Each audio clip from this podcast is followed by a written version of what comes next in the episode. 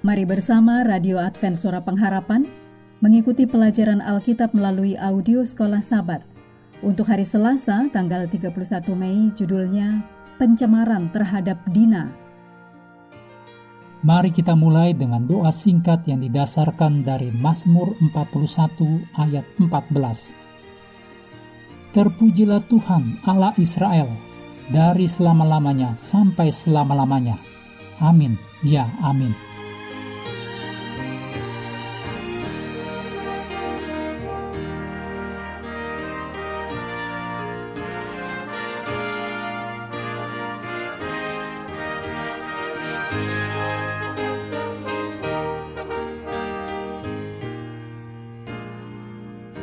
Sekarang, setelah Yakub berdamai dengan saudaranya, dia ingin menetap di tanah Kanaan dengan damai. Kata Shalem, selamat, dicatat dalam kejadian 33 ayat 18. Dari kata Shalom, damai, untuk pertama kalinya menjadi ciri perjalanan Yakub. Setelah membeli sebidang tanah dari penduduk setempat, yang ditulis dalam kejadian 33 ayat 19, Yakub mendirikan sebuah mesbah di sana, menunjukkan imannya dan pemahamannya tentang betapa dia benar-benar bergantung pada Tuhan. Untuk setiap korban yang dipersembahkan, itu adalah ibadah. Namun, untuk pertama kali dalam hidupnya, Yakub Israel dihadapkan pada kesulitan menetap di negeri itu. Seperti pengalaman Ishak di Gerar bersama dengan Abimelekh yang dicatat dalam kejadian 26 ayat 1 sampai 33, Yakub mencoba mencari pertolongan dengan orang Kanaan. Kejadian pasal 34 mencatat peristiwa Dina dan Sikem. Inilah yang terjadi yang menghalangi Yakub untuk hidup damai. Kisah kejadian mesum ini menyoroti karakter yang mendua dan tindakan mereka. Sikem yang tadinya karena nafsu memperkosa Dina, berikutnya menjadi cinta kepada Dina dan ingin mencoba menebus kesalahannya. Ia bahkan rela menjalani ritual perjanjian sunat. Sementara itu, Simeon dan Lewi yang menghadirkan diri mereka sebagai pembela Tuhan dan perintah-perintahnya, dan yang menolak kawin campur dengan orang Kanaan, dicatat dalam Imamat 19 ayat 29. Menggunakan kebohongan dan penipuan, dicatat dalam Kejadian 34 ayat 13. Dan siap untuk membunuh dan menjara, ditulis dalam Kejadian 34 ayat 25 sampai 27. Tindakan mereka tidak hanya tercela, karena mengapa tidak menghukum satu orang pelakunya saja? Tindakan mereka sangat mungkin menimbulkan lebih banyak masalah.